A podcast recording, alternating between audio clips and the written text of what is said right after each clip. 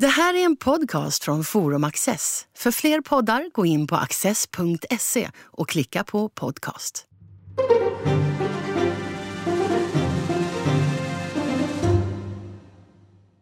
Hjärtligt välkomna till Studio Access och särskilt varmt välkommen till Oskar Jonsson. Du är chef för tankesmedjan Frivärd.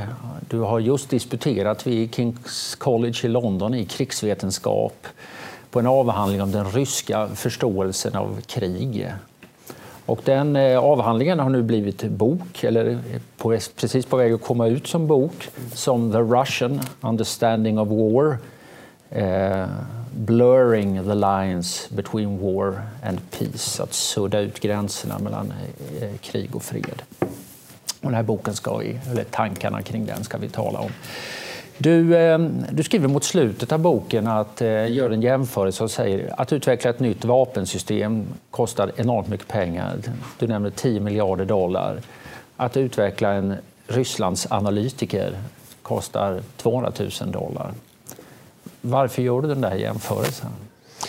Men någonstans i grunden så är säkerhetspolitik dels en kunskapsbransch. Att man, det kräver en förståelse av sin motståndare, hur de agerar, varför de agerar, vad är dess drivkrafter, hur kan vi avskräcka dem? Alla de sakerna som hur vi ska hantera de här säkerhetsproblematiken, och det gäller både Ryssland och både Kina, kräver en, en förståelse.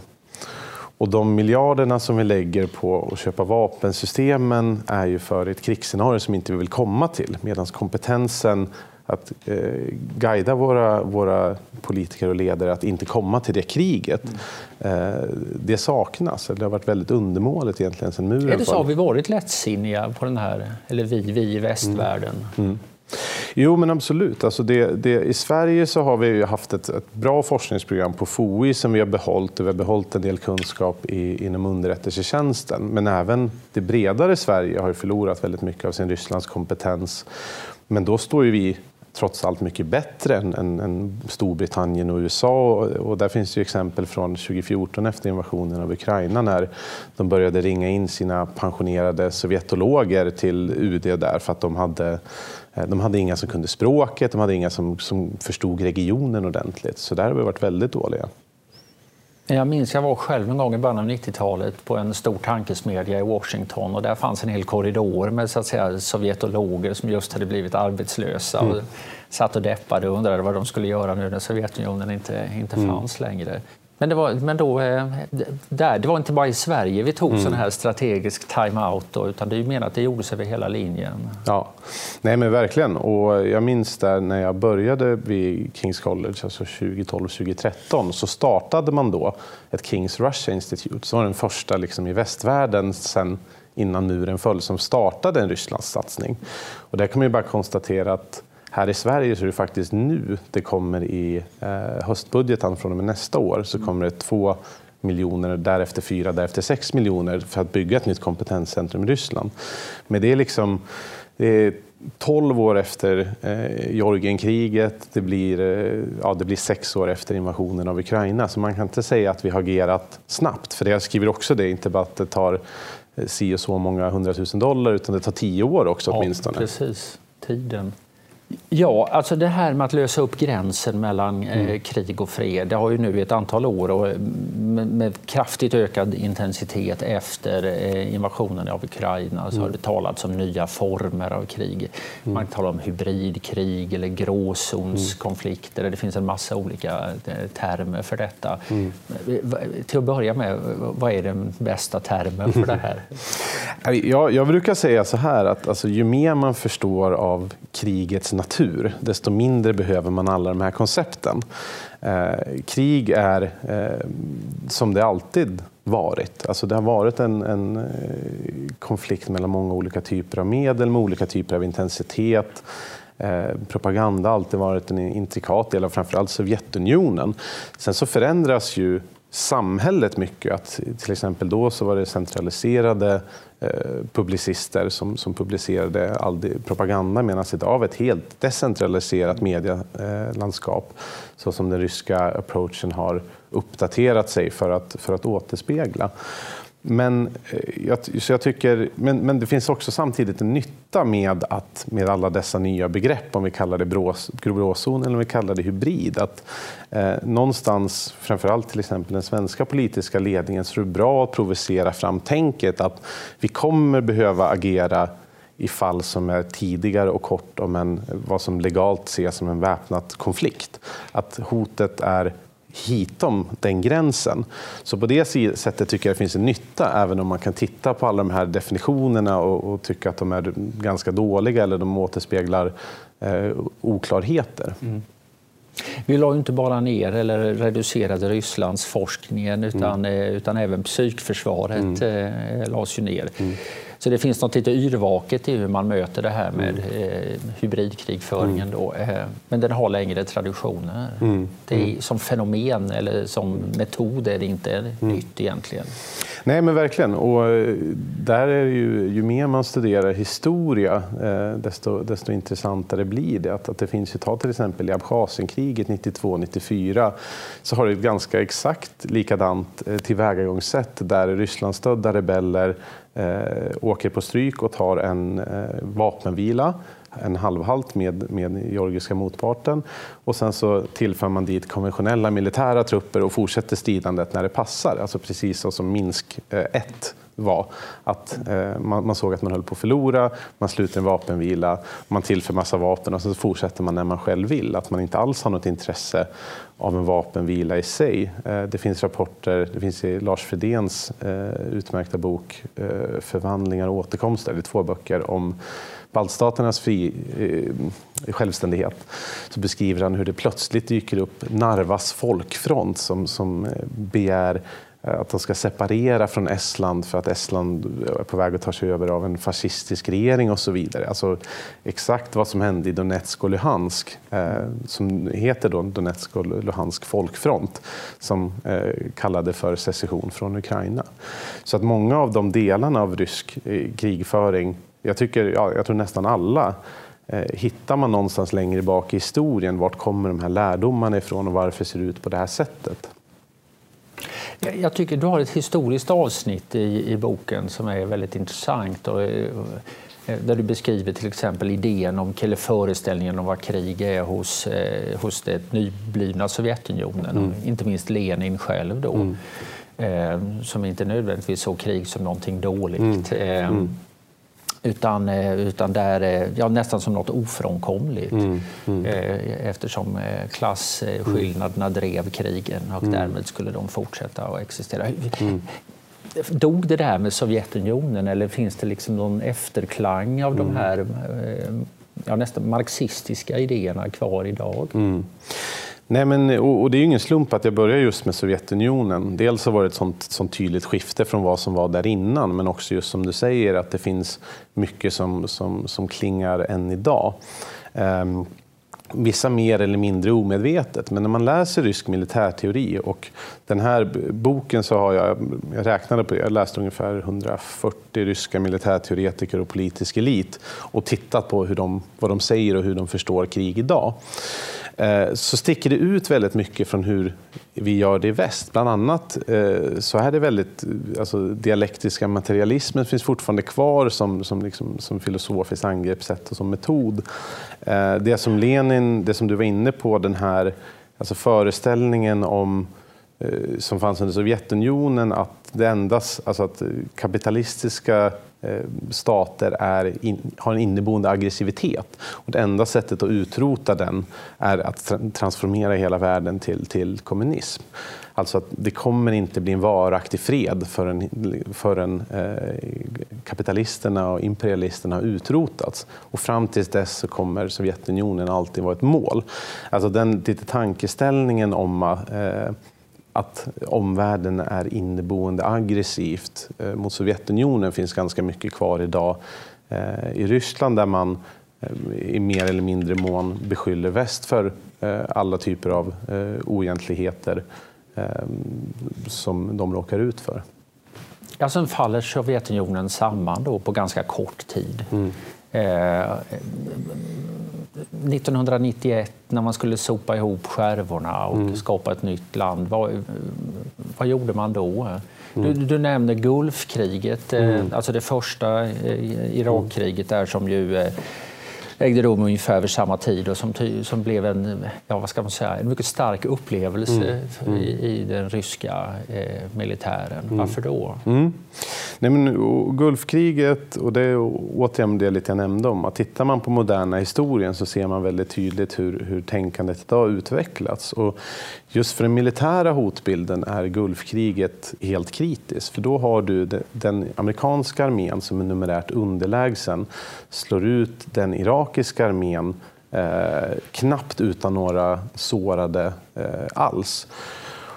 Och detta är relevant därför att den irakiska armén består av sovjetiskt material och sovjetiska doktriner. Den amerikanska armén, som är då mycket, eh, den amerikanska militären, som är mycket färre, har nya förmågor i termer av eh, rad, radar, sensorer, långräckviddig bekämpning, kommunikation och ledningssystem som gör att de kan få en överblick, en, eh, en enormt övertag i överblick av slagfältet som kan göra, göra dem Eh, att de kan egentligen slå ut eh, den här motståndaren. Och det, här, eh, det här skrämde ju den, den, de ryska militärteoretikerna något enormt, för så som de såg att de skulle fighta kriget eh, var ju som, som eh, den irakiska armén skulle göra.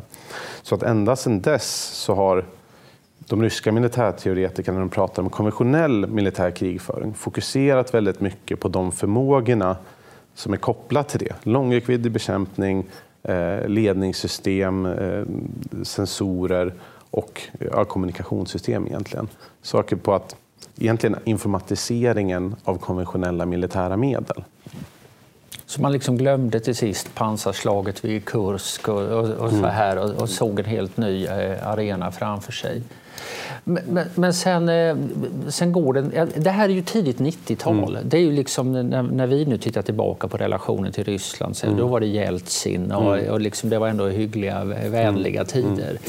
Eh, vad är det som gör att... Eh, är, det, är det ideologiska skäl som gör att man sen plötsligt befinner sig i krig i, i Georgien? Mm. Eller är det ett strategiskifte snarare?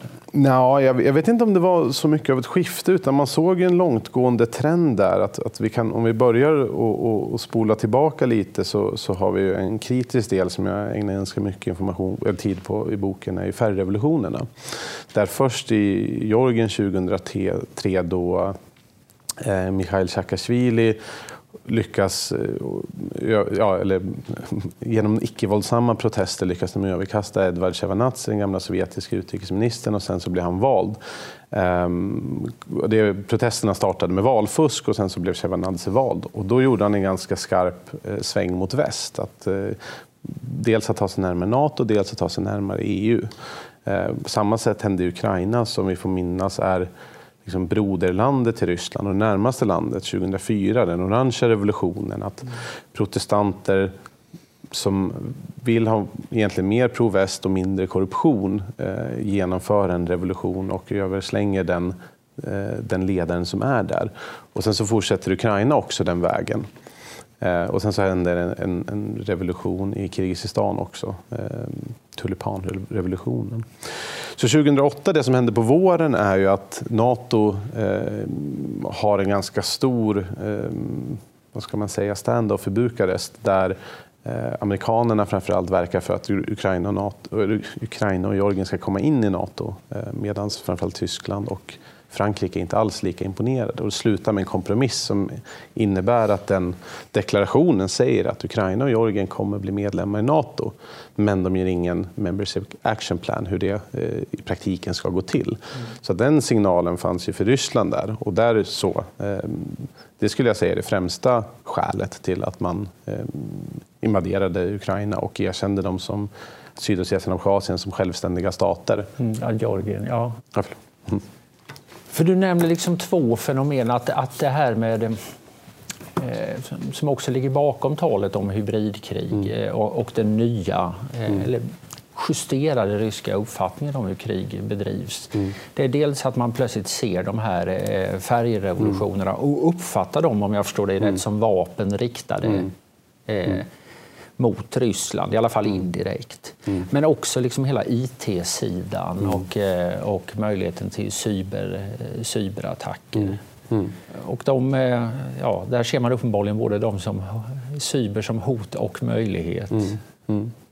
Jo men absolut, och det, där, där har ju den ryska förståelsen av krig förändrats i, i samma takt som att samhället har förändrats. Alltså, första Tjetjenienkriget så Eh, Putin sa i några av hans tidigaste intervjuer att vi förlorade första Tjetjenienkriget på grund av en brist på moral. Eh, och det hade att göra med att ryska reportrar var fortfarande ganska fria. De kunde åka ner till Tjetjenien, eh, träffa tjetjenska separatister, få göra en intervju med dem och sen få betalt för eh, utlägg och resan dit och tillbaka. Och sen så gjorde de ett reportage som var väldigt sympatiskt för de tjetjenska separatisterna. Medan moralen var jättedålig bland de ryska soldaterna. Så det anpassade man till andra Tjetjenienkriget. Då var det bara embedded journalist som var tillåtna. Då granskade man det som publicerades från kriget och då såg man till att, att liksom soldaternas moral höll högt genom att ha psykologer där. Men där kom internet in i bilden. Att vid det andra Tjetjenienkriget, som då hade blivit mer av ett eh, globalt jihadistiskt krig än den nationella separatistiska kampen som det var först, Alltså ungefär lite som Isis är idag, där alla eh, jihadister åker den globala jihadistiska kampen. Då lyckades tjetjenska separatisterna dels rekrytera, dels få pengar, dels sprida sina våldsdåd på internet. Ehm, vilket också hade sin påverkan på de ryska trupperna och hela kampen. Så där kom internet in i medvetandet. Ehm, I Georgienkriget 2008 så eh, trots att de första skotten avlossades från Georgien så upplevde sig det ryska ledarskapet att vi förlorade den globala informationskampen hur, hur kunde det här ske? Och sen så dubblade man eh, eller sen så ökade man kraftigt RTs stöd och öppnade RT på arabiska. Det är den här tv-kanalen som heter Russia Today. Precis, tidigare. Ja. Precis, Russia Today. Och det är ju Rysslands eh, internationella eh, tv-program. Så då, och då ökade man deras internationella approach. Arabiska våren eh, såg man var i stort sett organiserat av sociala medier. Och det är också de protesterna som var 2011-2012 vid ryska valen, alltså Duma-valet och presidentvalet, så såg man också till stor grad var koordinerat på sociala medier. Då anpassar man sig efter det också. Det är 2013 vi har de första rapporterna från ryska journalister om vad som vi idag kallar trollfabriken, där de sitter och producerar egentligen poster på sociala medier eh, för att påverka informationsmiljön. Och då var det, bara, då var det kring borgmästarvalet i Moskva och sen så sen under 2014 var det Ukraina. Så att det finns en väldigt tydlig när man ser hur förändras samhället? Jo, men eh, när CNN är nytt och, och kabel-tv 24-7 är nytt, ja, men då måste man konkurrera där med RT. När, eh, när sociala medier är nytt, ja, då ska man konkurrera där. Så det är det, den här förändrade inställningen till mm. krig det speglar väldigt mycket att man följer med liksom tekniska och kommunikativa förändringar mm. snarare än att någon har suttit och tänkt ut det på, på mm. förhand. Mm. Ja, jag, jag, jag, tror dels det och dels så finns det också bredare globala trender och en av dem, eh, om vi går tillbaka till, till Friedrich Engels så, skrev, så, så sa han då att krigets karaktär varierar med ekonomins karaktär. Och att är du i ett slavägande samhälle, ja, men då går kriget ut på att eh, fånga mer slavar. Är du ett industriell, industriellt samhälle så går kriget ut på att eh, fånga mer råvaror. Mm. Men om vi idag är en kunskapsekonomi, då kanske inte spelar någon roll så mycket om du invaderar någons territorium. Eh, medan som kunskapsekonomi, då kanske det blir viktigare med dels att påverka vad folk vet, och det gör du ju främst idag på sociala medier. Du har de, de stora sociala medierna, Twitter, Facebook, Instagram, är ju egentligen infrastruktur med vilken vi går in på internet igenom. Det är sällan vi går in och söker på hemsidor utan vi upplever ju det genom sociala medier och deras algoritmer. Och allt det här har ju, eh, tänker ju ryska strateger väldigt mycket på. Så jag tror att de ligger egentligen längre fram i många avseenden på hur liksom, makt och påverkan fungerar idag. Och bara för att ta ett exempel som, som jag tycker var väldigt intressant var att eh, kring den amerikanska valpåverkan där så, så blottades ett Instagramkonto som hette Blackstagram som hade 130 000 följare. Och då postade den till 95 procent helt vanligt om, om liksom färgades rättigheter i USA. Helt vanliga civilrättsliga spörsmål och så. Men 5 procent av det, det var rösta inte på Hillary, Hillary är inte din kandidat, håll dig borta från att rösta, då legitimerar du en falsk process och så vidare. Och det blir intressant i kontexten av att man såg att Obama vann för att han lyckades mobilisera den färgade rösten. Mm. Eh, och då är det såklart ett huvudnarrativ att ja, men, se till att de inte röstar. Så att det finns ju återspeglad i den ryska informationspåverkan. Men förstår jag dig rätt så här att ur ett ryskt militärt och strategiskt perspektiv så ser man eh, fenomen som eh, eh, ja, sociala medier, mm. folkliga demokratiska rörelser som Euromaidan till mm. exempel i, Ukraina. De uppfattas som en sorts konspirationer ifrån, mm. ifrån väst. Eller ja, sociala mm. medier är något som åtminstone möjliggör social, mm. konspirationer ifrån väst. Och att när man då troll, startar trollfabriker och, eh, och liksom finansierar olika skumrask-organisationer mm. i Västeuropa till exempel, mm Ja, det är bara självförsvar.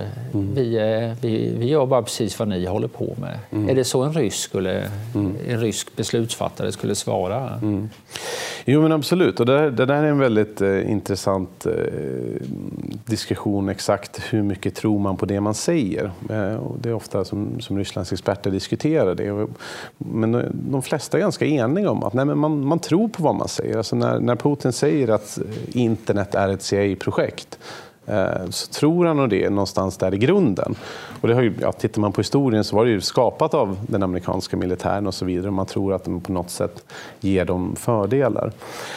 Eh, nej men, bara för att ta ett exempel på hur bilden kan vara lite eh, mindre tydlig än vad man tror. Så, eh, Mikhail Saakashvili åkte ju till Serbien 2003 på våren med några andra georgiska oppositionella och fick utbildning i eh, icke-våldsamma protestmetoder från då den revolutionen som hade varit i Serbien år 2000.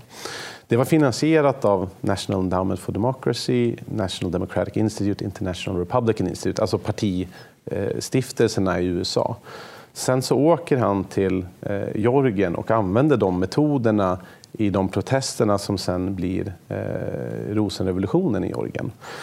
Och sitter man från ryskt håll och har en viss liksom, grundmurad paranoid eh, syn på, på världen där man tror att ingenting händer av en slump så ser man hmm, amerikanska pengar, amerikansk träning.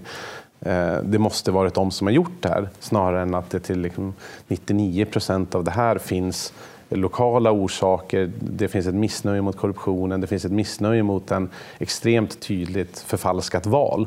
Och att det var det som mobiliserade.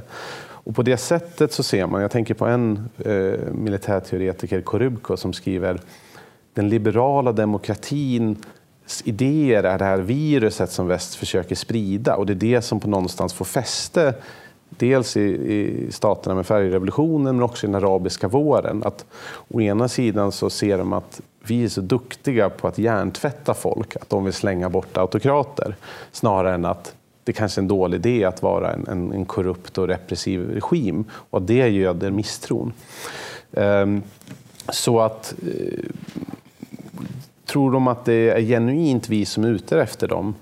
Uh, ja, det, det, det, gör de. Och det har att göra med att de här demokratikämparna, alltså vilka är det största hotet för, för ledningen i Ryssland? Eh, jag tror varje medioker underrättelseanalytiker i Ryssland kan titta på västländerna och se att de är inte på väg att invadera oss. Medan de protesterna som finns där utmanar ju eh, ledningens eh, legitimitet hela tiden och de får ju stöd. Och det är de, det är de vi stöder moraliskt och praktiskt i olika typer av finansiella arrangemang. Ja, det uppstår ju en, en, inte helt okomplicerad situation. Då, liksom eh, man, eller säg så här, om, jag tror du har ett resonemang om detta i boken också. Att eh, om det är så här som Ryssland eh, ser på mm. världen, som man ser på eh, demokrati, fri opinionsbildning mm. på internet, mm. stöd till demokratiska krafter. Om mm. detta är krigshandlingar mm. enligt den nya mm. eller förändrade eh, ryska bilden av vad ett krig är för någonting, då pågår det redan ett krig mm. mellan, mellan väst och, och Ryssland. Mm. Samtidigt vill de inte riktigt eh, säga det mm. rakt ut, eh, mm. som du beskriver det. Mm. Nej, men och där, har man, där är ju många ryska ledande militärteoretiker och politiker som säger, har sagt under flera år att vi lever ett informationskrig. Um, och då är frågan ja, men hur, hur relaterar informationskrig till krig? Alltså den, hur man formellt brukar definiera krig. Och det Ehm, det korta svaret är att det förefaller att göra det. Och man säger också att eh, västs främsta eh, förhållande till våldsanvändning på 2000-talet är försökandet av skapandet av, av eh, färgrevolutioner och det ryktas mot Ryssland. Ehm, och då kommer ju frågan, men om man ser det så här, betyder det i väst att vi ska fortsätta med de här sakerna? Ehm, och där är det, eh, det är en väldigt svår fråga. Det finns ju såklart ett moraliskt värde att stötta till exempel eh, demokratikämpar och de som jobbar för mänskliga rättigheter i Ryssland. Ehm, och det är egentligen det medskicket jag vill skicka med, att man måste göra det här som ett informerat beslut. Jag säger inte att man ska sluta göra det, men jag säger att på det sättet som ryska ledare och militärteoretiker pratar om modernt krig idag och där de ser det största hotet kommer från den här typen av påverkan mot Ryssland så måste man vara väldigt medveten om att det inte ses som en eh, som en, en, helt vanlig politisk handling. Jag ska ta ett exempel där en svensk diplomat från UDs folkrättsavdelning blev intervjuad 2014 och då säger personen ungefär rakt ut så här att vi ser absolut ingen motsättning mellan att jobba för, för demokrati och mänskliga rättigheter i Ryssland och ha en bra relation med den ryska ledningen. Problemet är att det är de här personerna som nu är och protesterar eh, på torg i Moskva och vill få bort den ryska ledningen. Så att det, det är inte oproblematiskt på något sätt. Men jag säger inte heller att vi inte ska göra det. Men att vi ska fundera väldigt mycket över vad, vad får det för, och när, för konsekvenser och när är det rimligt att göra det. Vad tycker du är mer, om vi ska avslutningsvis mm. tala mm. kort om liksom slutsatserna av detta. Vad tycker mm. du är uppenbara, eh, mindre eh, komplicerade slutsatser för Sveriges del till mm. exempel? Mm. Ja, det, det, den första är ju att vi är redan eh, en, bit, en bra bit in på konfliktspektrat. Så där är framförallt Sverige som har Eh, haft en, en, hög profil i den politiska konflikten med Ryssland. Alltså vi har varit förespråkare av sanktioner, vi har varit förespråkare av mänskliga rättigheter, vi har varit initiativtagare till Östliga partnerskapet. Så att vi måste komma bort från den här idén som finns i bredare väst att eh, oj nu är Ryssland arga, nu ska vi försöka eh, gå dem till mötes så deeskalerar vi. Alltså motsättningen mellan Ryssland och väst är mycket djupare än bara en fråga och den kommer inte gå iväg utan tvärtom så är den ryska approachen eh, baserad på att väst alltid kommer vilja backa, att väst alltid kommer deeskalera, vilket de eh, gör helt rätt i och det kan vi se Macrons uttalande för några veckor sedan att det är dags att släppa in Ryssland i, i värmen igen, trots att de inte har gjort någonting, några eftergifter eh, kring hur man invaderat Ukraina. Um, så att vi kommer inte undan kriget eller konflikten eh, genom liksom, en eftergiftspolitik. Det är en av medskicken. Um, de andra medskicken är Eh, Eh, att egentligen kräver till motsvarande introspektion som vad ryska militärteoretiker och politisk elit gör. För vi tänker mycket mer om krig som, som det traditionellt har setts, alltså det väpnade våldet och hur hanterar vi det väpnade våldet. Medan eh, du kanske får mest påverkan idag genom att eh, liksom spendera miljoner och fundera på hur du påverkar Google-algoritmer. Till exempel söker du på eh, Syrian Chemical Weapon Attack Eh, så får du väldigt mycket proryska svar väldigt högt uppe på det som säger att det var inte alls Assad som attackerade med kemstridsmedel oppositionen utan, utan det är en konspirationsteori och så vidare. Så att vi måste uppdatera eh, liksom vårat tänkande kring, kring både krig och strategi idag. Och kanske också synliggöra vad Ryssland gör i väst. Ja. För ja. Det Ja, men där, och där har vi informationspåverkan, eh, har ju MSB ansvaret för. Men när de identifierar en påverkansoperation så rapporterar de det till regeringen. Um, men de säger ingenting till medborgarna som har varit målet för det här. Så att även om de framgångsrikt har blivit utsatt för en informationsoperation så vet de inte om det. Och talar man om det, precis som underrättelsehotet, så kan man bygga en resiliens hos medborgarna. All right. Mm. Oskar Jonsson, stort tack för att du är här. Mm, tack, kul att vara här.